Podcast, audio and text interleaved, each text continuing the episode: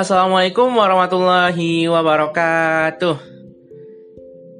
Baik, kita akan melanjutkan pembahasan yaitu pembahasan yang ke-9. Nah, di pembahasan yang ke-9 ini saya akan menjelaskan tentang contoh penerapan janji dalam bisnis dan keuangan menurut fatwa.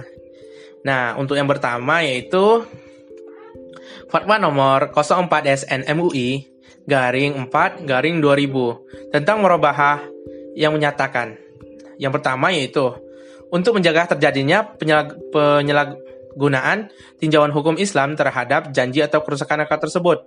Pihak bank dapat me mengadakan perjanjian khusus dengan nasabah.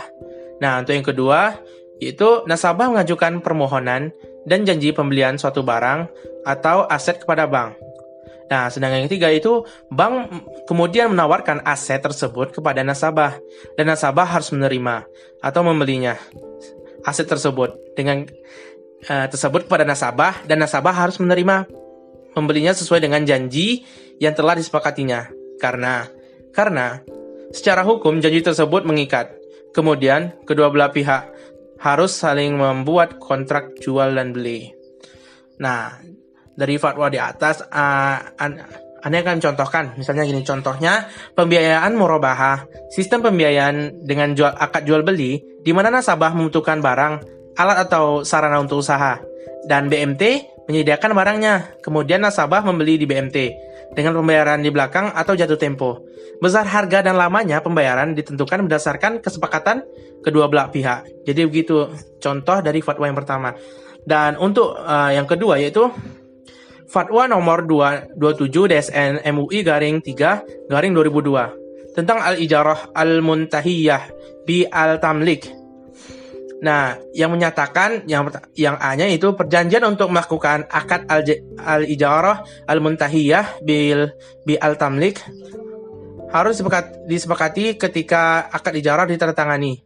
Dan untuk yang B itu janji pemindahan kepemilikan yang disepakati di awal akad ijarah adalah wa'ad yang hukumnya tidak mengikat. Apabila janji itu dilaksanakan, maka harus ada akad pemindahan kepemilikan yang dilakukan secara setelah masa ijarah selesai. Dan untuk contohnya itu uh, seperti bank dan nasabah melakukan akad ijarah lengkap dengan keterangan jumlah biaya sewa. Nah, jangka waktu, biaya perawatan, dan klausula klausula pelengkap lainnya.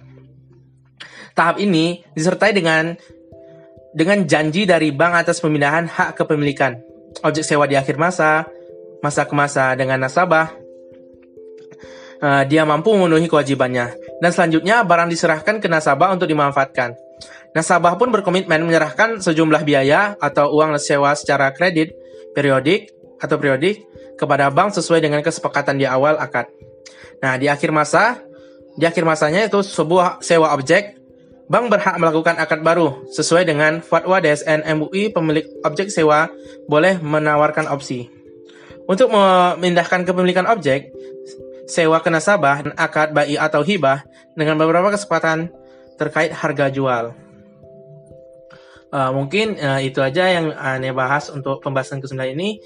Uh, kurang lebihnya aneh mohon maaf di pembahasan uh, yang sembilan ini atau yang sebelumnya atau yang berikutnya.